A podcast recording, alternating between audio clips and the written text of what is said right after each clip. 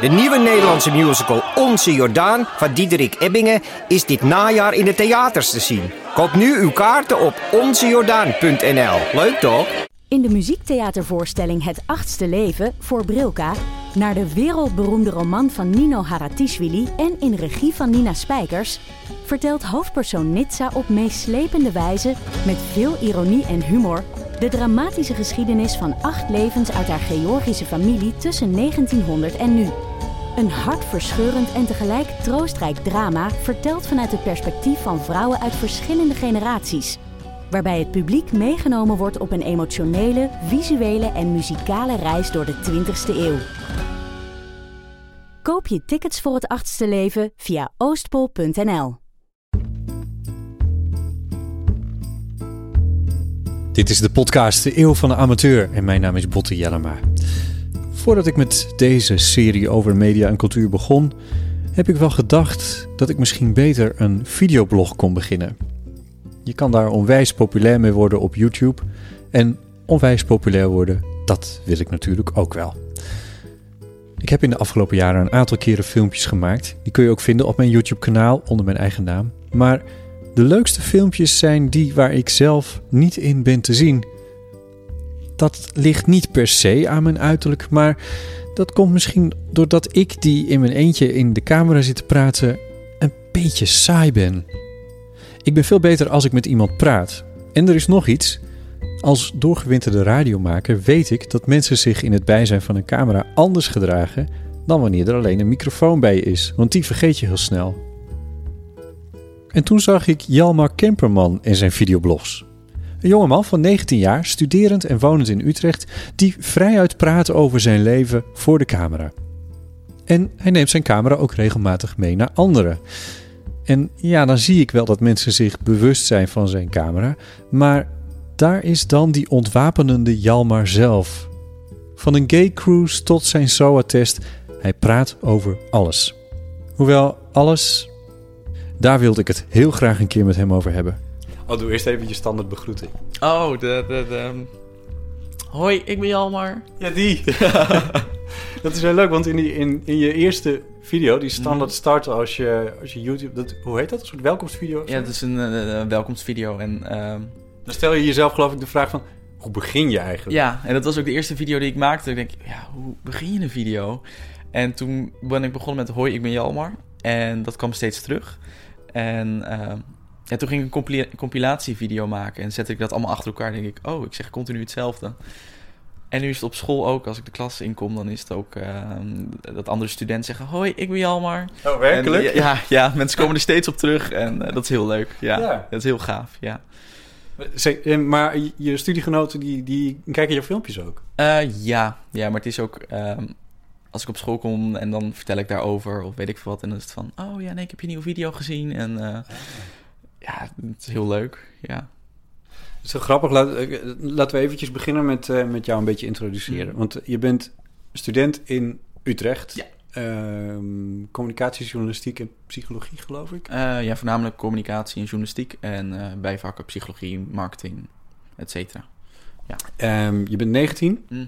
en je bent videoblogger en je schrijft ook nog voor Expresso. Klopt. Ja. adjunct ben je daar zelfs. Ja, ja dus ik eh, mag voornamelijk mensen aansturen en eh, ja, belangrijk voordoen. Want wat doe je precies bij Expresso dan? Eh, nee, het is voornamelijk inderdaad dat ik mensen aanstuur, teksten nakijk, eh zorg dat we leuke winacties op de website houden en eh, af en toe ook leuke interviews met mensen. Dus eh, heel veelzijdig. Homo-jongerenplatform. Ja. Ja. Ehm, en, het, en het videobloggen dus. En dat was een van de redenen waarvan ik dacht van... hé, dat is misschien aardig om je, om je even uit te nodigen. Mhm. Eh, weet je wat podcasten is? Onderhand gelukkig wel. nou ja. ja, nee, ik denk inderdaad ook, het komt best wel overheen met, overheen met YouTube. En eh, het- je verhaal vertellen of met iemand een verhaal delen en ehm, ja, het creatief zijn. ja. ja. Nee, ik weet ook niet in hoeverre dat nou leeft onder, eh, onder jouw leeftijdsgenoten. Niet heel erg, geloof ik. Nee. Nee, volgens mij niet heel erg. Nee, ik denk dat jongeren vooral inderdaad video's kijken, denk ik. Omdat het makkelijk hapbaar is en Toen je net van de metro kwam, dan had je, had je je oordopjes in. Wat staat daar dan op? muziek. Ja. Ja. eigenlijk voornamelijk altijd muziek. En zou een podcaster een plek in kunnen vinden Ehm, tussen jouw muziek? dat denk ik wel. Ik denk als het inderdaad een podcast is waar ik denk van... oh, dit vind ik heel interessant. Of het is een persoon die een heel interessant verhaal vertelt. Of eh, een onderwerp wat mij heel erg aangaat. Dan zou dat zeker helpen. Ja. Ja, dan zou ik daar zeker naar luisteren. Hey, en vertel eventjes hoe dat is begonnen met, ehm, met, met, die, eh, met die video's. Ik, als ik het zo in jouw, jouw, de tijdlijn op jouw Mhm. YouTube-pagina een beetje bekijk... dan heb ik het idee dat het begon van... ik zet leuke filmpjes achter elkaar die ik zo door de week allemaal schiet. Of door Ja. de maand eigenlijk, Ja. per maand deed je het in het Mhm. begin. Toen ben je op een soort cruise geweest. Ja, En, daar is het een beetje mee begonnen. En toen explodeerde het een beetje. Ja, nee, het was inderdaad... Ik begon eerst met, eh, gewoon met bloggen, met schrijven. En toen wilde ik eh, mijn publiek uitbreiden. En de enige manier om inderdaad jongeren te bereiken was door video. Had ik het gevoel. En eh, ik wilde toen niet tegen een camera praten. Omdat ik dat heel, heel direct vond en heel eng. Dus toen had ik maar de keuze gemaakt om inderdaad altijd een camera bij me te hebben. En kleine details in mijn leven te filmen. En dat met een leuk muziekje monteren en dan elke maand online gooien. En dat Eh, werkte? ja, dat werkte en ik kreeg inderdaad ook wel een publiek. Maar ik merkte ook dat het ook nog harder zou kunnen groeien. Dus heb ik inderdaad één video opgenomen waar ik gewoon tegen een camera praat en wat vragen beantwoord. Q&A. Ja, ja, ja, ja. ja, Question and answer. ja echt heel populair ook op YouTube. Ja. Eh, en toen, Dus dat, wat, wat je dan doet is eh, eh, eh, alle vragen die per mail en Twitter naar jou toe waren gekomen, ja, antwoord op geven. ja, en er kwamen altijd hele rare vragen uit. En dat was mijn makkelijke manier om een eerste video te maken waar ik tegen een camera praatte. Ehm, en toen had ik zoiets ja, maar dit is eigenlijk best wel leuk. Het is heel leuk, want die, die film, de- dat filmpje begin je dus met van, hoe, hoe begin je zoiets? Ja, ja en het- als ik dat nu ook terugkijk, denk ik... Zie ik ook inderdaad dat het heel erg wennen was en ik het heel erg spannend vond. En als ik dat... Echt? Want ik heb hem gekeken en toen dacht ik, ik, ik heb echt even zitten checken van, is dit echt zijn eerste, de eerste Ja. keer dat hij in een camera... Ja, ja, maar ik denk ook wel dat dat iets is wat ik altijd heel belangrijk vond. Dat ik gewoon oprecht ben. Hmm. En dat ik niet, eh, wat je bij veel YouTubers eigenlijk wel ziet, dat ze een perfect leven hebben. En alles is leuk en alles is fantastisch. Ze zien er fantastisch uit, dus ze dragen alleen maar hemdjes en Oh, het is, hey you guys. Ja, en ja. dat ben ik totaal niet. En mijn leven is, is leuk, maar het is natuurlijk niet altijd leuk, zoals dat bij iedereen is. En dat wil ik ook, wilde ik laten zien. En ja, deze zomer ben ik eh, voor Expresso zijn we op Gay Cruise geweest. Ook een iets... Oh, dat was met, de met de Expresso mensen? Ja, ja, ja, ja. Ah, oké. En dat, eh, die reis konden we maken. En ik had iets, ja, hallo, dan moet ik het ook vast gaan leggen. Nu heb ik de mogelijkheid. En eh, ja, toen een serie daarvan gemaakt. En die eh, werd heel goed bekeken. En toen eh, begon het eigenlijk allemaal te groeien. Echt een een stuk of zes afleveringen of zo. Ja, ja, zes delen. Ja. Ja. En ik had eerst iets van, ja, dat is veel te lang. Mensen haken er na twee af. Maar ze bleven kijken. Want wat voor verhalen vertel je daarin? Ehm, nou, ik heb voornamelijk dat ik gewoon een camera bij mij had. En ehm, waar ik vertel over onze reis. En de dingen die ons gewoon heel erg opvielen aan boord. En eh, het was ook wel lastig, moet ik zeggen. Want ehm, er waren ook dingen aan boord die ik zeker niet kon filmen. Dat ik zoiets had van... Zoals? Eh, er waren wat feesten waar mannen outfits aan hadden. Ik zoiets had, oké, als ik dit in beeld breng, dan eh, wordt het van YouTube gehaald. Vertel. Ja, ehm, pikant gekleed, mannen met naaldhakken en, en, en van, die, van die soort seksharnassen en weet ik veel wat allemaal. En ik zie oké, dat hoef ik niet op video te hebben. Niet, niet in mijn video. Nee, nee, exact, exact. En eh, ik heb later ook nog feedback gekregen van iemand eh, die de aftermovie gemaakt heeft van de cruise. En die zei dat mijn video's inderdaad heel, eh, een heel ander beeld gaven. En dat hoorde ik van me- meerdere. Omdat eh, de official aftermovie, dan zie je de feesten. En dat is leuk en je ziet de mooie plaatsen. Ehm, maar ik probeer voornamelijk te laten zien hoe wij het als jongeren beleven. Want wij waren erg jong en we waren de jongste aan boord. Ehm, Ja, maar het- om heel eerlijk te zijn, gay cruises associeer ik meer met oude mannen... dertigers, veertigers. Ja, nee, dat Niet oude mannen, Nou, dertigers. ja. Dank u ook, wel. ook. Sorry. Nee. Ja, ook. Maar er waren ook een hoop mannen van 50, 60. eh, maar ook veel dertigers. Ehm, En jullie liepen daar als... Ja, jij was 18. ik was 18 en eh Roel, waarmee ik was, die was... eh, Misschien niet het 20. snoepje van het schip dan. Eh, Ja, soms. Soms. En ik was, ik was altijd heel erg onzeker. En ik ben nooit zo van, oh, ik doe mijn shirt uit en ik loop ergens rond. Maar het was ook wel heel goed voor je ego. Want als je dan aan het zwembad lag of zo... en dan liepen er mannen voorbij, denk ik... oh, ze kijken toch... oh, dan mag ik er toch ook wel zijn. En dat, dat, dat ja, was wel grappig. Maar eh, ik was heel bang dat echt mannen op mij af zouden komen. Oh, jong, dat is een jong hapje, daar gaan we op af. Maar het was eerder als ik gesprekken met mensen had... dat ze vroeg van, ja, hoe oud ben je dan? Ik zeg, ja, 18. Dat ze eerder afstand namen. Echt heel respectvol, omdat ze echt er vol op ingingen. Ja. Dus dat eh, was op zich niet vervelend, nee. Maar een eh, hele bijzondere ervaring. Ja. ja. Ja. Dan, eh, want ik ben nog steeds in je YouTube eh, tijdlijn Mhm. eh, aan het nadenken, is het afgelopen zomer, 29 juli 2015. Oh ja. Hoi, mijn naam is Jalmar en vandaag is het 29 juli. Wat voor vele anderen misschien een hele normale dag is. Maar voor mij niet. Voor mij is het een hele speciale dag. Want vandaag, twee jaar geleden, vertelde ik mijn ouders dat ik eh, op jongens val. Ja, ik had ehm, een video opgenomen inderdaad waar ik vertelde over mijn eh, coming out. Ehm, twee jaar later, want ik, twee jaar daarvoor was ik uit de kast gekomen. En de voornamelijke reden de, dat ik dat gedaan had was... ehm, toen ik 15 was en uit de kast kwam, was er bijna geen YouTuber, geen Nederlandse YouTuber die zijn coming-out verhaal had verteld of eh, daar veel mee bezig was. Ja, er waren er een aantal, maar ik denk twee, drie. En ik kon me ermee identificeren, maar het was voor mij toen niet genoeg. Ehm, en dus besloot ik toen ik eh, meer met video's bezig was van, eh, weet je, ik kan het ook gewoon zelf gaan maken. En dat is inderdaad nu een beetje mijn drijfveer, ge- drijfveer geworden. Dat ik video's wil gaan maken eh, die ik nodig had toen ik 15 was. Waar gewoon een normale jongen, in ieder geval als ik mezelf normaal mag noemen, ja, die gewoon laat zien hoe het is om jong te zijn en gewoon gay en dat het niet gek is. En ja, gewoon over leuke dingen praat. En vandaar ook die coming out video en waar ik gewoon mijn, eh, waar ik ook vertelde dat mijn ouders goed, eh, goed reageerden en mijn familie en mijn broer en mijn zus en iedereen reageerde goed. En eh, ja, nu is het nog wekelijks dat ik twee of drie mailtjes per week krijg van jongeren die mij bedanken voor die video. Of die juist vragen, oh, heb je nog coming-out tips? En nu is het nog op een punt dat ik dat eh, kan je, beantwoorden. je, je zegt van mijn ouders reageren er goed op. Dat, eh, dat, eh, dat, dat heb je heel duidelijk gemaakt in, in het filmpje. Maar je maakt ook heel duidelijk dat je er zelf wel degelijk heel erg mee worstelde. Ja, ja, zeker. Ja, want ik wist wel dat mijn ouders het zouden accepteren. Want dat was altijd goed. En vanaf jongs af aan was dat van, ja, als dat zo is, dan is het geen probleem hoor. En mijn broer en zus ook niet. Maar ehm, alsnog was het toch wel een hele stap om het inderdaad te kunnen vertellen. En eh, Je broer reageerde heel leuk, hè, geloof ik. ja, ja, ja, een heel leuk Je verhaal. Even stil toen je het vertelde. Nee, vertel het even helemaal. Ja, nee, ik, ik, ik, had, ik had mijn ouders het al verteld en ik had mijn zus het al verteld. En toen kwam een eh, aantal weken later kwam mijn eh, broer met zijn vriendin langs.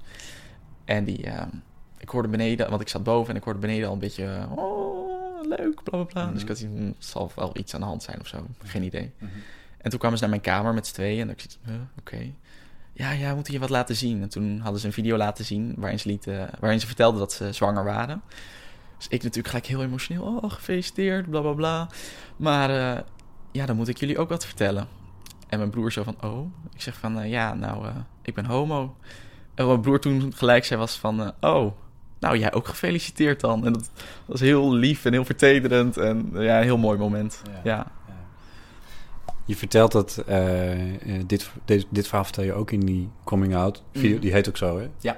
Ja. Ehm, hoe lang heb je erover nagedacht van... Ga ik dit online zetten? Ga ik dit opnemen? Ga ik dit online zetten? Lang, lang. Want ik, dat was al een idee wat in mijn hoofd rondhing toen ik voor het eerst begon met video's maken. En dat is, ik denk een half jaar, een jaar bijna daarvoor wel, dat dat idee al wat speelde. Ehm, maar het was ook wel een hele enorme stap, omdat ik wist dat ik er ook negatieve reacties op zou kunnen krijgen. Omdat eh, mensen zijn op YouTube nou niet altijd even eh, vriendelijk Zeker niet. en heel direct. En ehm, ik had even zoiets, ja, wil ik dat wel? Maar toen ging ik nadenken over Jalmar toen hij 15 was. Ehm, en ik denk als Jalmar toen hij 15 was die video had gezien, dat het hem ook heel erg had geholpen. En toen had ik zoiets van, ja, maar er zijn meer zoals ik was toen ik 15 was. Ehm, dus ik moet die video gewoon maken, ik moet het gewoon doen. Maar dacht je ook aan de Jalmar die straks een keer 25 is of 35 is? Ook, ook, ja. En nu nog steeds ehm, denk ik daar heel erg aan. Ook mensen zoals met die gay cruise, dat ik ook dingen eruit heb gaan laten. Ja. Omdat ik zoiets had van, ja, wil ik dat nog online hebben staan als ik straks ouder ben en een baan heb en ja, die kant op ga. En dat is, ja, dat is lastig, maar eh, met die coming-out video was het voornamelijk dat ik denk van, ja, als ik anderen ermee kan helpen, ja, wat maakt het dan nog uit? Dan mogen ze mijn verhaal ook best wel horen. Dus ja, Hij is bijna 9000 keer bekeken. ja, ja hij- nog 100 views tot de 9000. En in december was hij 5000 keer bekeken, dus Het gaat gewoon maar door. Ja, en ook als ik naar de an- analytics kijk van mijn video's, dan eh, is het nu dat mijn video's ongeveer 400 keer per dag bekeken worden. Het meeste is op mijn coming-out video. Ja. En dat laat ook wel zien dat er toch inderdaad jongeren zijn die het opzoeken, die het nodig hebben en die... eh, Wat voor vragen, eh, wat voor reacties krijg je? 9 van de 10 reacties zijn eigenlijk positief. En jongeren die vertellen van, oh wat goed dat je dit vertelt. Of ehm, ehm, wat, We wat komen zo weer even bij die positieve, maar even die, die, die 10% dan die niet positief is. Ja, dat is heel weinig. Maar ook inderdaad de- de- een reactie van iemand die zegt van... eh, nou, tijd om abonnement op jou dan op te zeggen. Ik zie dat... Oké, sure. Oké, maar vreemd. En eh, ik vind het ook vreemd dat mensen met negatieve reacties... dat per se moeten ben- eh, benadrukken. Ja. Ik denk van ja, het is fijn als je een negatieve reactie hebt. Geen probleem mee. Als je niks met homoseksualiteit hebt, geen probleem. Maar je hoeft het niet per se zo op die manier te benadrukken. En ook wel eens dat ik een reactie had. En dat was dan, had gehad. En dat was dan ook wel weer heel grappig. Iemand zei van... Het enige wat er stond was vieze kontenbeuker. Dat ik had, nou, dat vind ik dan ook wel weer komisch. Dat ik denk van, nou ja, weet je... Als dat het ergste scheldwoord is waar je mee kan komen. Precies. En ik had zoiets van, nou, als dat het enige is, dan is het ook geen probleem. En ja, heel af en toe zit er wel eens een reactie tussen dat ik denk van, nou, dat had je misschien beter voor jezelf kunnen laten. Maar de meeste reacties zijn eigenlijk positief. Ja. En dat is eh, heel fijn. Ja. Je zei net van, ik, ik, ik, wil het, eh, ik wil het meer gaan doen. Mhm. Eh, video's maken waar, eh, waar anderen wat aan hebben. Mhm. Ehm, en er zit eentje tussen die mij ook opviel. Dat is waar je vertelt over een SOA-test die je hebt gedaan. Hoi, ik ben Jalmar. Ondanks dat ik niet sport en soms wat ongezond eet, vind ik het wel heel erg belangrijk om gezond te zijn. Daarom had ik pas de beslissing gemaakt om een SOA-test te doen. Ja, ik vind het gewoon heel belangrijk om van mezelf te weten dat ik gezond ben, dat ik geen ziektes onder de leden heb en dat ik gewoon normaal door het leven kan. En daarom besloot ik inderdaad om een SOA-test te gaan doen. Eigenlijk zag ik hier best wel tegenop, omdat ik echt bang was dat ik allemaal hele ongemakkelijke vragen moest beantwoorden. En dat ze dan in mijn private parts dingen moesten doen of zo. Maar achteraf viel het eigenlijk wel mee. Dat vond ik ook heel belangrijk. En ik had nog nooit een SOA-test gedaan. Dus ik had iets, ja, weet je, ik moet dat ook gewoon doen. Seksueel overdraagbare aandoening, laten we het even heel expliciet maken. Heel duidelijk. Ehm, en ik had zoiets, ja, ik moet gewoon zo'n test doen. En toen had ik dat gedaan. En ehm, toen had ik zoiets van, weet je, ja, ik moet hier gewoon een video over gaan maken. En dat heb ik een week nadat die SOA na de uitslag van mijn SOA-test dan eh, gedaan. Die gelukkig goed was. Daar niet van. Ehm, en ja, ik vertel gewoon inderdaad dat ik naar die SOA-poli ga. En dat ik eh, getest word en hoe dat gaat. En ehm, ik was heel bang dat het misschien over zou komen als een soort ehm, reclamevideo. En dat zou ook goed kunnen hoor, dat het zo overkomt. Maar het was inderdaad meer uit mezelf dat ik zoiets had van ja, Ja, als ik, eh, als ik eh, hoe heet het, Sens en zo in Nederland, hoe heet ze allemaal? Eh, Ja. Of de GGD was, dan zou ik jouw filmpje vooral heel erg vooraan zetten. dat is heel grappig, want eh man Had je geld voor kunnen vragen, ja, te laat. Shit. Nee, ik weet ook, man tot man heeft mijn video ook inderdaad op hun social media kanalen gedeeld. Ja. Dus dat was super leuk. Maar ik had zoiets, ja, ik moet die video gewoon maken. Want ik vond het zelf een hele grote stap om dat te doen. En ik kan me voorstellen dat voor De veel... test bedoel je? Ja, de test zelf. En ik kan me voorstellen dat die test voor jongeren een hele grote stap lijkt. Ehm, en ik, ook, ik heb zelfs reacties van vrienden gehad, achteraf, die die video hadden gezien, die zeggen... Oh, is het zo makkelijk? Hmm. Oh, dan ga ik dat ook maar doen. Hmm. En dat, eh, ja, dat is gewoon alleen maar positief, denk Ja. ik. Nou heb ik in mijn tienjarige carrière als journalist best wel wat op de radio gebracht. Mhm. Tot aan een verhaal over Grindr aan toe. Wauw. Maar, wauw. maar, maar dit weet ik niet. Nou, of ik dit... Ja. Nou, wat het is, ik heb het persoonlijk gebracht. Maar ook niet zo persoonlijk dat ik het over mijn eigen seksleven ga hebben. Want dat is toch wel, dat is privé. Maar dat vind ik dus zo knap. Want je, je bewandelt een hele dunne lijn. Mhm. ehm, tussen... Want ja... Hoe zeg ik dit? Een dunne lijn tussen... Of heel expliciet over worden over de aanleiding voor het doen van zo'n Mhm. SOA-test. Laten we wel wezen. Ehm, en, eh, en voorlichting. Ja. Ja, en dat is ook wel ehm, Hoe lang heb je erover gedaan om deze video op te nemen? die SOA-video. Ja. Eh, Om het, s- op het moment Hoeveel zelf. takes? Veel, maar dat is sowieso hoe vaak ik in een video niet zeg... Hoi, ik ben Jalmar. En dan op twintig verschillende intonaties. Ehm, dus ik gebruik altijd heel veel takes. Maar het, eh, het was een verhaal dat er heel makkelijk uitkwam. Omdat het ook natuurlijk best wel recent was. En ik het gevoel had, ik moet dit gewoon maken. Ik moet dit gewoon doen. Ehm, en ik heb ooit een eh, interview gehad met eh, Shane Bitney Crone. Die de documentaire Bridegroom heeft gemaakt. Waarin die zijn... eh, Oh. ja, die verliest zijn vriend. En die is van het dak gevallen en hij mocht niet naar het ziekenhuis. Hij mocht niet naar de begrafenis. En hun relatie werd eigenlijk een beetje verborgen gehouden. Maar hij, ik heb een interview met hem gehad. En Het hij, is een bekroonde documentaire, toch? Een Amerikaans verhaal is dit. klopt, klopt. En ik heb hem afgelopen maart heb ik hem geïnterviewd.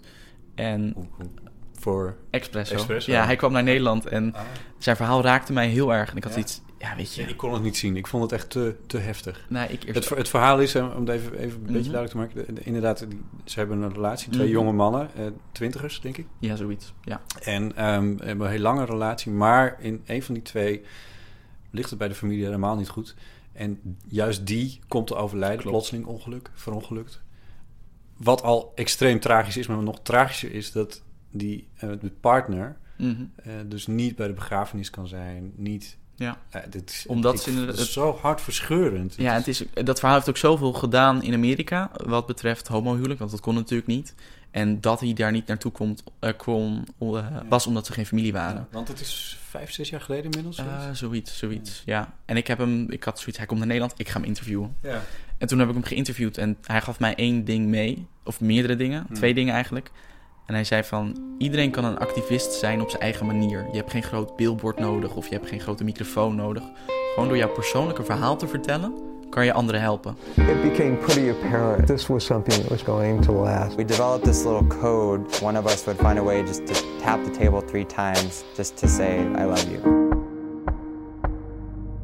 We had a fight that morning. We were supposed to go take photographs together. He's like, let's go to the roof. Tom has his camera. He's all ready. He takes a bunch of pictures. He takes like three or four steps back. I need a paramedic. He fell. How far did he fall? He fell four stories. He said, Mom, they, they won't let me in to see him because I'm not family. The doctor came into the room and like I knew what he was going to say Are you sure of me? And I did, you know, one final tap tap tap.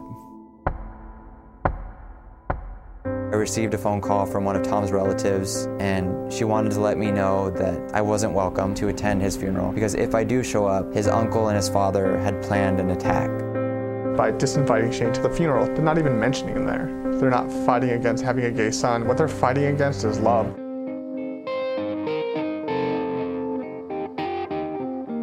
En dat is een soort wijsheid, de, de power of the personal story, die die meegaf.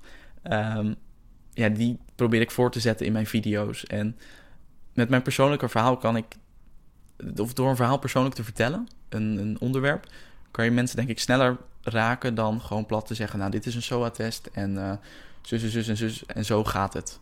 Maar als je het vertelt van, nou ik ging een SOA-test doen en bla bla bla bla en ehm, dit gebeurt er en zo ging het bij mij, dan zal het mensen waarschijnlijk sneller raken. En ehm, ja, die, die, die wijsheid van Shane, die bij elke video die ik maak, dan denk ik van ja, ik moet gewoon mijn persoonlijke verhaal vertellen, want dat hebben mensen meer aan dan dat ik het heel plat ga zeggen en eh, ja, minder interessant maak. Ja, mooi. Maar heeft je moeder die video gezien? En het antwoord op die vraag hoor je straks. Ik praat dan verder met Jalmar over of ik mijn coming-out verhaal in een podcast zou moeten vertellen. Maar eerst gaan we naar Martijn Rosdorf vanuit Engeland. Over privacy en over wat de Engelsen gewoon zijn om in het publieke domein te gooien. Het is echt een hele drukke week. Ik ehm, moest plotseling iemand vervangen die ziek werd. Ehm, griep op de Nederlandse radio. En ehm, dat eh, nam iets meer tijd in beslag dan ik van tevoren had eh, gedacht. Ik, was, ehm, ik dacht even een, dagje, maar het werden er drie. En daarvoor had ik al een klus gehad. En dan heb ik nog een klus zondag. En maandag nog eentje. En dan ben ik weer even vrij. En dan ga ik ook even weer naar Barbados. Dus ehm, alles goed hier in Engeland. Onwijs druk, maar alleen maar leuke dingen. En ik ga het hebben over een paar dingen. De toestand in Engeland deze week. Ik ga, dit is natuurlijk heel irritant. En dit is echt. Ik bedoel, dit is niet. Ik wist niet dat het nu ging gebeuren. Maar dat gebeurt nu wel. En dat is mijn buurman. Robert. Die ehm, hier nog niet zo heel lang woont, een paar maanden. En die in dit appartementencomplex onaangekondigd af en toe bouwvakkers over de vloer heeft. Oh, dan gaat ook nog een sms. Nou, Ehm, en dat is ontzettend irritant. Zeker als ik live op de radio moet in eh, Nederland. Dus eh, ik ben op Radio 1 en dan eh, maak ik verbinding met een stukje software, dat heet Lucy. En dan plug ik mijn microfoon in en dan ben ik gewoon met een heel klein beetje vertraging ben ik gewoon, voel je een behoorlijk acceptabele kwaliteit. Vergelijkbaar met wat je nu hoort, ben ik te horen op de, op de Nederlandse radio. Maar ja, als er ineens geboord wordt. Ik hang wel briefjes op als ik ehm, live op de radio ben op de gang van alsjeblieft niet uh, op de deur, aan de deur bellen. Mm, en als ik het van tevoren hoor, uh, wil ik ook nog eens een keer het flatgebouw, de trap afrennen of de lift nemen en kijken en eventjes aanbellen. En dat kan ik meestal kan ik dat wel op heel veel begrip rekenen uiteraard. Ik ben natuurlijk ook niet uren op de radio, zeg maar tien minuutjes is het of zo. Maar in ieder geval, um, Robert die doet het altijd met zonder aankondiging. En de meeste mensen hangen een briefje op in de hal. En, maar hij heeft gewoon scheid aan iedereen. En hij is echt de meest rare knakker die ik ooit ontmoet heb. Maar goed, dat is een ander verhaal. Dat ga ik wel een keer vertellen. Ik ga wel eens een keer vertellen over mijn uh, buurman. Want ja, op zich, buren. toen wij hier een paar jaar geleden kwamen wonen, waren wij de absoluut met afstand de jongste bewoners. Nou, allebei uh, dikke veertigers, zou ik maar zeggen. En uh, ons ene buurvrouwtje was 97 of 98 en ons andere buurvrouwtje was 94. Die ene Joyce die is een paar jaar geleden overleden. En ons andere buurvrouwtje Vincenza, ze komt uit Malta, maar ze was Engels. Die is uh, vorige week overleden. 97 is ze geworden.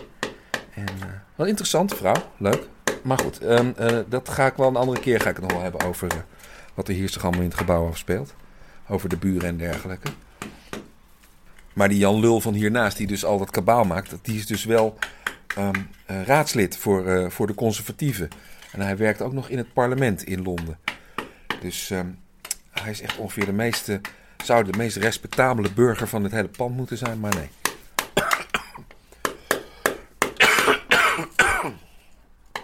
Oh man. Ik hoest al sinds, eigenlijk sinds uh, een dag voor nieuwjaar of zo. Jezus. Je krijgt er wel enorme buikspieren van. Nou ja, over privacy, over wat mensen van zichzelf blootgeven in het publieke domein. Daar denken de mensen hier toch op een heel andere manier over dan in Nederland. Ze denken er eigenlijk makkelijker over, simpel gezegd. een veelgehoorde verklaring is dat uh, Engeland is nooit bezet geweest. Nederland en de rest van Europa. Daar is men zich veel meer bewust van de privacy en van de gevolgen van uh, uh, het blootgeven van alle gegevens van jezelf. wat voor gevolgen dat zou kunnen hebben. Enfin, in Engeland is nooit een bezetting geweest en daarom zou dat hier niet zo heel serieus genomen worden. Ik weet niet of dat de echte verklaring is. Het is wel zo dat het minder serieus genomen wordt. Het is op, op een rare manier om met allerlei dingen die in, in Nederland echt heel privacygevoelig zouden zijn. Bijvoorbeeld als ik de dokter bel om, ik moet hem bloed laten prikken om een, een of andere test of zo. En dan vragen ze gewoon, uh, what's your race? Uh, van welke ras bent u? En ik zeg, wat? Ja, dat willen ze gewoon weten. Wordt dat geregistreerd bij de dokter en dan via de telefoon. En ook niet één keer vragen, maar bij een intake of zo, maar gewoon elke keer weer. Dat vinden ze hier heel normaal. En ook je, uh, wat je deelt op, op Facebook. En dat is natuurlijk niet nieuw, maar wel nieuwer in deze samenleving. Uh, daar zijn ook wel andere, gelden wel andere normen dan wat je in Nederland ziet. Bijvoorbeeld als je hier succesvol ehm, in, de, in, in, in een bedrijfje hebt, dan is het helemaal niet gek om je bankafschriften op Facebook te zetten, bijvoorbeeld.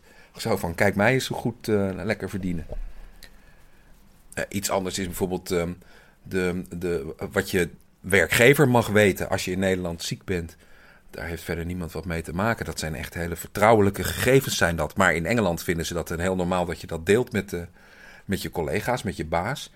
En als je dat niet doet, dat, is echt, dat kan ook nog wel problemen geven. Dus um, als je zegt van ja, ik ben ziek, maar je, hebt niet, je zegt niet wat je precies hebt en je weigert dat te zeggen, dat, is, uh, dat leidt hier wel tot ontslagen en dat soort dingen. En, en dat is ook legaal, want een, een, een, werkgever heeft recht om dat soort dingen te weten. Maar goed, um, opscheppen in publieke domein gebeurt dus meer, meer dan in Nederland. Met privacygevoelige dingen, of tenminste waar wij van in Nederland zouden we dat privacygevoel, privacygevoelige informatie vinden.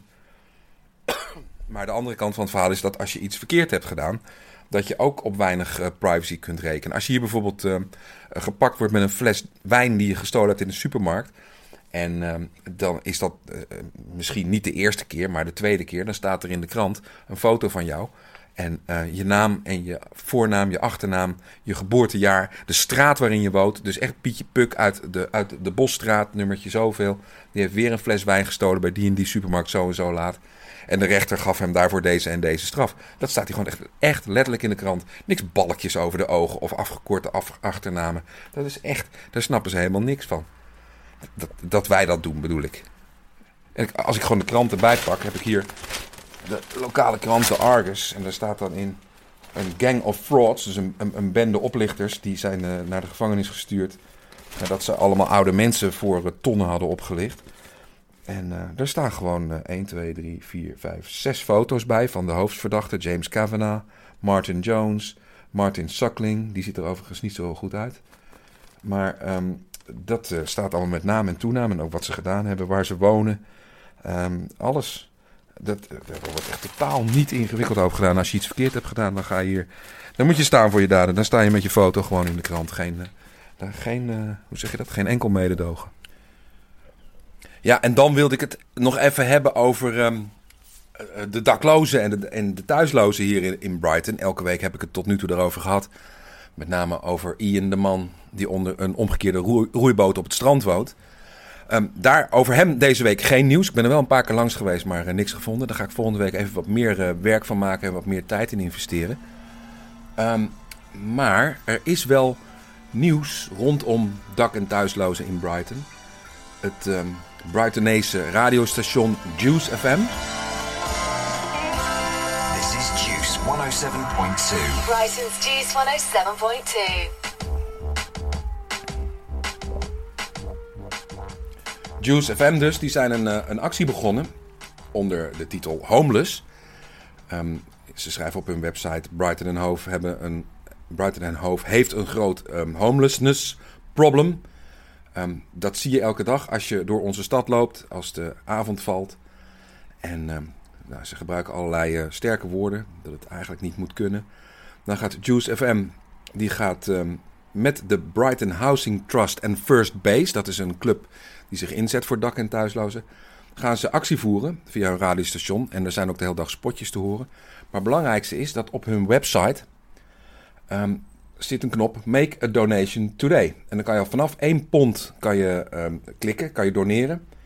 En dat is eigenlijk heel erg ehm, duidelijk wat er dan gebeurt met je geld. Namelijk, er worden bijvoorbeeld scheermesjes van gekocht. Je kan zelf klikken wat je wil kopen. Scheermesjes, sokken, een pak van zes budget towels, dus zes handdoeken, eh, wasmiddel, eh, shampoo, shampoo, onderbroeken. ehm, eh, wat, is, wat is dit? Tate and Tile, Tate and Lyle, Fairtrade Granulated Sugar, oh suiker, Nescafé koffie, thee, nou, allerlei producten kan je op klikken en die worden dan via die, ehm, eh, via die clubs worden die dan verdeeld onder de dak- en thuislozen van Brighton. Die het op dit moment niet bepaald goed kunnen hebben, want het is me toch echt mistig en vochtig en naar hier. Maar goed, dat kan elk moment weer veranderen. Duizenden mensen in deze eh, stad, in deze rijke stad, slapen elke nacht buiten of moeten bedelen om in een shelter te kunnen overnachten. En eh, het eh, grote en bekende en veel beluisterde radiostation Juice 107.2, die gaat er iets aan doen. De overheid, nee, daar moet je het hier niet van hebben. Tot volgende week. Dank voor het luisteren. Martijn Rosdorf vanuit Brighton in Engeland, zodat wij niet hoeven. Dit is de podcast De Eeuw van de Amateur en mijn naam is Botte Jellema. Afgelopen week had ik een gesprek met de Utrechtse student en videoblogger Jalmar Kemperman. De eerste deel hoorde je zojuist, waarin we het onder andere hadden over de video die hij maakte over zijn SOA-test. En ik vroeg hem toen... Maar heeft je moeder die video gezien?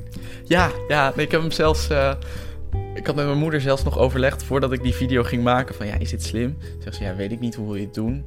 Dus ik uitgelegd en zegt ze, nou, als jij denkt dat je het wil doen, dan moet je het doen. Dus dat heb ik toen gedaan. En, eh, Een stoere moeder. ik heb een hele stoere moeder. Ik heb een hele leuke moeder. Ehm, en toen... eh, ja, het is ook als ik aan het editen ben en aan het bewerken... dan ehm, laat ik mijn moeder ook altijd de video zien tussendoor. En die was heel enthousiast en die vond het eh, heel goed hoe ik het had verteld. En Ja. andere reacties? Ja, goed. Eigenlijk. Ik heb op die video eigenlijk niks negatiefs gehad. Wel, ehm, wat reacties van mensen die... ehm, eh, Behalve de uitslag van de test, want die was wel negatief. ja, ja, positief voor mij, maar negatief. eh, ja. Sorry, dat is echt een heel flauw grapje. ja, nee, maar eigenlijk alleen maar positieve reacties. En mensen die er dan inderdaad wat eh, anders op ingingen... omdat ze een andere ervaring hadden met een SOA-test. En eh, ja, dat was oké. maar dat, dat, dat is ook interessant aan YouTube... is dat je een open communicatie hebt. Het is makkelijk op YouTube om op iemand te reageren... en mensen kunnen makkelijk op jou reageren. Ehm, en dat houdt het interessant om, om, om hun view op eh, zo'n video dan te zien. Ja, want het, wat, ik heb niet gelezen wat eronder staat, maar... Eh, ja, iemand die zei van... Oh, deze video komt net toevallig, eh, net toevallig want ik ga volgende week een SOA-test doen. Dat was heel leuk. Maar ook eh, reacties van... Ja, ik ben een SOA-test gaan doen een aantal jaar terug en het ging zus en zo. En eh, dat iemand anders daar weer op reageert. Oh, maar bij mij ging het zus en zo. En dat is heel... voor mij heel fijn om te zien. Ja.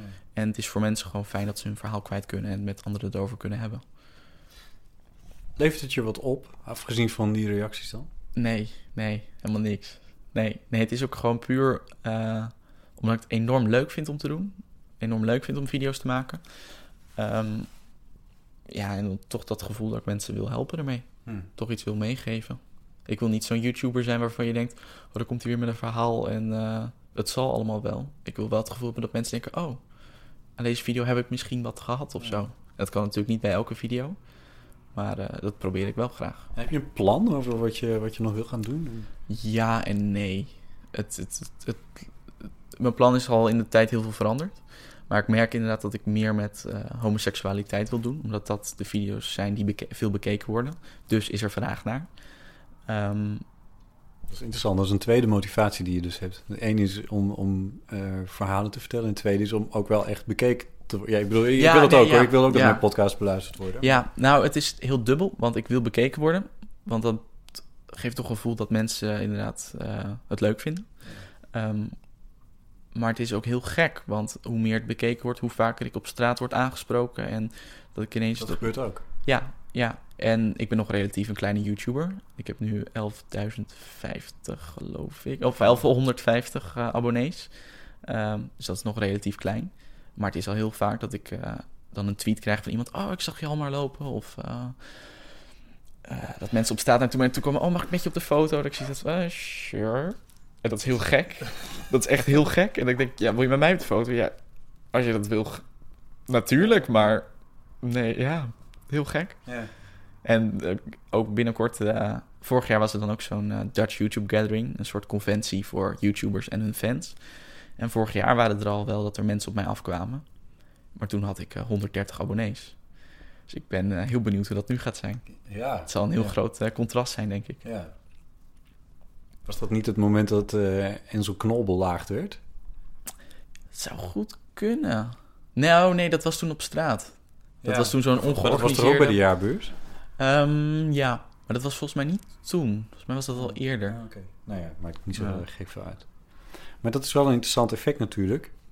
Omdat je film maakt en je zet je eigen Mhm. gezicht daarbij in, krijg je dat natuurlijk wel. Dat je, Ja, en dat had ik ook nooit verwacht. Omdat ik zoiets had van, ja, weet je, ik maak een video en als je het kijkt, nou leuk. Maar ja, je hebt heel veel vaste kijkers op een gegeven moment. Die dan ook continu steeds reageren en steeds zeggen... Oh, ik vind het zo fijn om je video's te kijken. En ja, dat is superleuk. Ehm, ja, maar, denk je dan daarbij ook wel eens aan van, van oké, en dan wil ik dus meer kijkers hebben. Mhm. En dan ga ik dingen doen die ze, die, die ze misschien prettig vinden. Hoe ver ga ik daarin? En, en wat vindt mijn 35-jarige ik hier over Ja. eh, tig jaar van? Ja, dat is iets waar ik me wel continu heel bewust mee bezig ben. Hou, in ieder geval. Ehm, omdat ik ook zoiets heb van, ja, ik sta op internet, iedereen kan het zien. Maar ik wil niet dat eh, het tegen me gebruikt kan worden. Of dat het eh, in de toekomst tegen me kan staan. Hmm. En dus ik hou me ook wel heel bewust bezig met wat komt online en wat komt niet online. Ja. Het grootste voorbeeld was bijvoorbeeld met die gay cruise. Dat ik, eh het is een bepaald punt dat ik eh, best wel emotioneel was. Aan het einde van die cruise, want het was een mooie reis en het was over en dan een soort euforisch moment. En eh, toen was ik best wel emotioneel. Toen heb ik mijn camera gepakt en toen ben ik gaan filmen. En dat heb ik gekozen uiteindelijk om het wel online te zetten. Omdat ik belangrijk vind om oprecht te zijn, om echt te zijn. En mensen laten zien dat je ook best emotioneel mag zijn. Er is niks mis mee. Je, je hoeft, het hoeft niet allemaal eh, heel mooi te zijn. Ja. Ehm, maar dat was ook een punt dat ik bijvoorbeeld eh, met een roze pruik op en een uh, regenboogpanty uh, rondliep. en dat heb ik er heel lang over getwijfeld. Ja, moet ik het nou online zetten? Moet ik dat nou niet doen? En uiteindelijk had ik zoiets van, weet je, ik doe het ook gewoon. En um, dat zou misschien ooit nog eens tegen me kunnen, gebruikt kunnen worden. Maar ja, weet je, dat is dan ook maar zo. Het hoort ook wel een beetje bij het jong zijn, denk ik. Dat je zulke soort dingen ja. kan doen. Dat, maar misschien is het ook wel zo dat je, jij en je leeftijdsgenoten daar al heel anders tegen aankijken dan, uh, dan, dan, ja, laat ik zeggen, dan ik. Ik ben daar niet mee, nee. mee opgegroeid of zo. Ja, ik denk dat dat ook wel inderdaad een verschil is. Want ik heb mijn ouders ook mijn gay cruise video's laten zien. En uh, de punten die jongeren bijvoorbeeld heel leuk vonden, over dat ik inderdaad met een roze pruik op en alles stonden, ja. hadden mijn ouders eerst wel iets, oh, is dat wel heel slim? Is dat wel verstandig? Um, een beetje beschermend. Ja, nee, dat vooral. En um, ze staan altijd achter mijn keuzes. En die ze zeggen ook van, als je dat wil doen, moet je het gewoon doen. En ja. wat dat betreft nooit negatief daarover. Um, maar het is toch inderdaad wel een beschermend uh, iets. Wat ook wel heel fijn is hoor. Maar uh, ja, soms moet je ook gewoon denken van, ah, weet je, dan sta ik maar met een roze pruik op het internet. En dan uh, is dat ook maar zo. Ja. Heb jij andere bloggers dingen zien doen? andere vloggers moet ik zeggen, mm. videologgers. Uh, dingen zien doen waarvan je zegt: No way, dat ga ik echt niet? Um, lastig. Nou, het is wat je op YouTube bijvoorbeeld heel veel ziet, is dat ze een soort challenges doen of tags. En het is leuk als je dat een keertje doet, maar wat ik... Ja, dat, dat, dat loopt een beetje hè, over, over, die, ja. over YouTube. Van, dan zijn er een paar dingen, Heel uitdagingen populair. die ze verzonnen hebben. Van, ja, wat is het dan allemaal? Maar... Ja, het zijn soort spelletjes. Ja. En dat is dan super populair. En ik denk van, ja, dat is leuk als je dat een uh, keertje doet. Um, maar het zorgt ook voor dat je niet super origineel meer bent. Het, je maakt een video die er eigenlijk al is, maar je brengt jouw input erin. Kan heel leuk zijn, maar dat zou ik niet zo snel doen. En um, net zoals dat er mensen zijn die elke dag van hun leven filmen en dat dan online zetten, dat hoeft voor mij ook niet. Meneer Knol. Bijvoorbeeld, ja, ja. Want ik heb ook zoiets, ja, ik wil wel een klein beetje privacy houden. Ik uh, sta met mijn, met mijn hoofd op het internet, maar er zijn grenzen. Want wat, wat ik net uit begrijp is dat je echt wil, een, een verhaal wil vertellen. En, en, meer dan van ik ga nou even naar de bouwmarkt. Ja, ja en ik, ik, wil ook inderdaad als ik op reis ga of ik ben bijvoorbeeld naar Londen geweest en dat wil ik wel allemaal in beeld brengen. Ja. En omdat ik dat ook voor mezelf heel leuk vind om uh, over een jaar terug te zien. Maar ja, ik wil wel proberen gewoon een verhaal te blijven vertellen. Ja. Zijn er, uh, zijn er um, uh, collega-vloggers waarvan je zegt... die, die je mij en, en de luisteraars kan uh, aanraden? Van je zegt, oh, die zijn echt gek. Die, die doen echt bijzondere dingen. Oeh. Um, ja, je hebt een van de grootste in Amerika, is Casey Neistat. Um, en die filmt... zijn stijl van filmen is heel gaaf. hij filmt wel elke dag van zijn leven nu... Um, maar het is een beetje een urban feeling zit er overheen. Mm-hmm. En uh, ja, dat filmt hij heel gaaf. En je hebt een, een hele rare vergelijking, maar je hebt een, um, een vlogger in Amerika, in New York, die tevens ook pornoacteur is. Die vertelt over zijn leven. En ik had echt zoiets, ja, ja. Raar. Um, maar die brengt ook heel open, vertelt hij daar ook over. Maar hij vertelt ook over, over zijn normale leven en ja, dat is ook wel heel interessant om ja. te zien. Ja, dat inkijkje krijg je verder niet zo snel. Nee, nee precies, nee, precies. Nee. En dat is, zulke video's vind ik leuk om te zien dat je niet het standaard leven hebt, um, maar dat je je er ook wel in kan herkennen. Ja. Dat uh, vind ik altijd wel leuk. Uh, ja, voor de rest. Leer je daar dan ook van als je die, uh, als je die zit te bekijken? Als je zo'n bijzondere ja. filmstijl ziet bijvoorbeeld, wil je dat um, dan ook weten hoe ze dat dan doen? Ja, ja, gedeeltelijk. Want ik heb wel echt mijn eigen stijl ben ik aan het opbouwen. Dat merk ik. Als ik vergelijk als ik naar al mijn video's kijk. Maar het is wel vaak dat ik dan iets zie dat ik denk... oh, maar dat is gaaf. Of uh, oh, die gebruiken die camera of die microfoon. Of uh, weet ik veel wat. En daar ga je dan naar kijken. En daar laat je dan door inspireren. Of door hoe ze video's bewerken. En ja, daar leer je van. Ja. ja. ja. Okay. Hoe uh, zou ik jou en je kijkers aan de podcast kunnen helpen? Oeh. Um... Vergeet het maar. nee, nee, nee. nee, oh, nee, ik denk zeker dat er mogelijkheden zijn. Ik denk vooral om jongeren te, te bereiken is social media. En uh, onderwerpen die zij interessant vinden. Zoals media doet het altijd goed. Nou, dat scheelt. Dat zit bij mij heel op in. Nou, kijk. Wat dat betreft... Ik interview jou bijvoorbeeld. Ja, ja, dat zal misschien ook al wel helpen. Ja. Ben ik wel benieuwd naar. Ehm, ja. Ja, ik denk inderdaad, qua onderwerp inderdaad, dat het belangrijk zijn, dat, moet, dat het moet ze aanspreken. Maar, ja, wat nog Moet meer? ik mijn coming-out verhaal vertellen? Ja? Nee. Nee. nou, ik denk zeker dat het mensen zal bereiken. Want het, het is een persoonlijk verhaal. En net zoals bij mijn video, er stond coming out. Dus dan weet ze gelijk, oh, dit is persoonlijk. Dit, Mhm. dit, dit eh, gaat interessant worden. In ieder geval, zo klinkt het. Ehm, ja, dus ik denk zeker dat het goed zou kunnen zijn. Hmm. Je kan er zeker publiek mee trekken. Ik ga er dus over nadenken. ik heb al een documentaire gemaakt waarin een belangrijk deel van het verhaal Mhm. in zit. Dus in die zin moet ik er ook niet zo ingewikkeld over doen.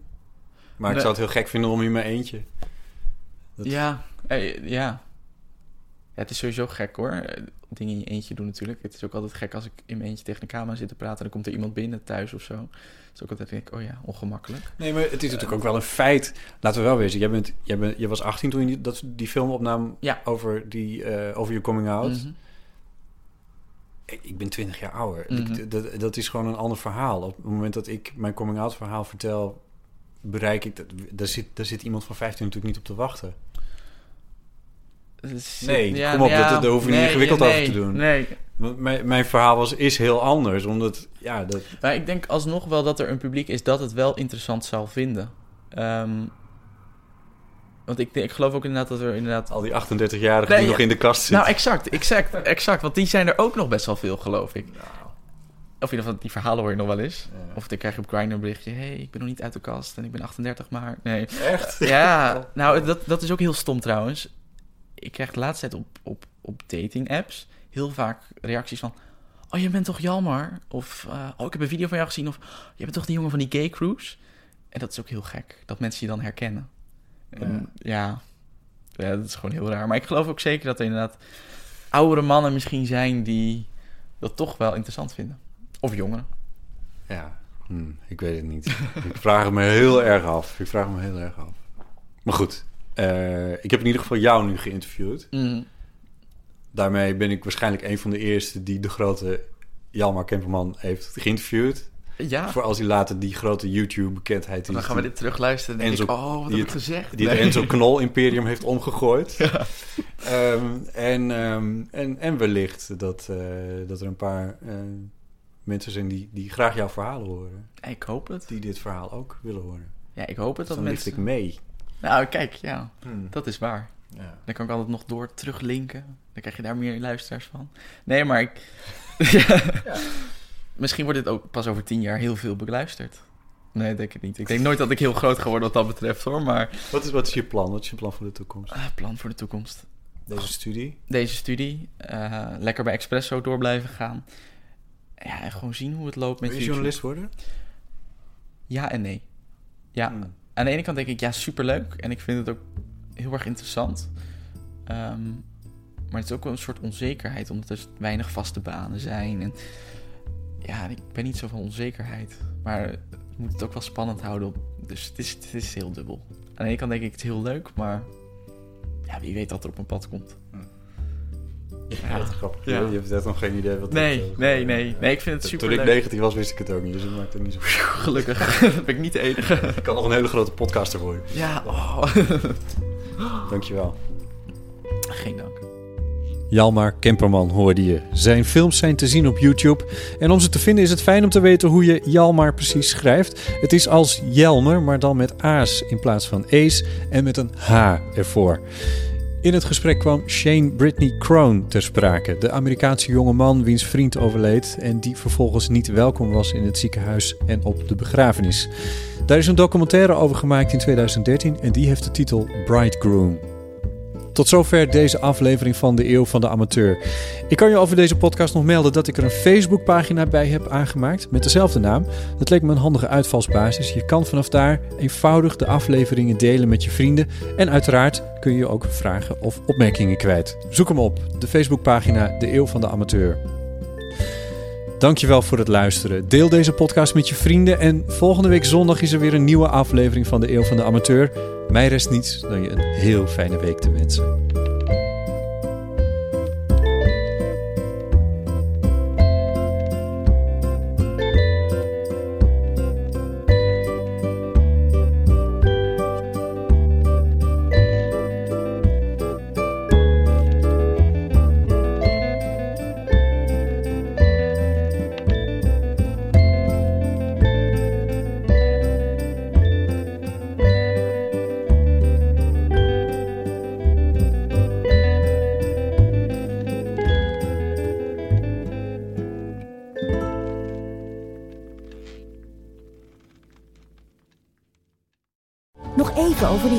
En epische muziektheatervoorstelling.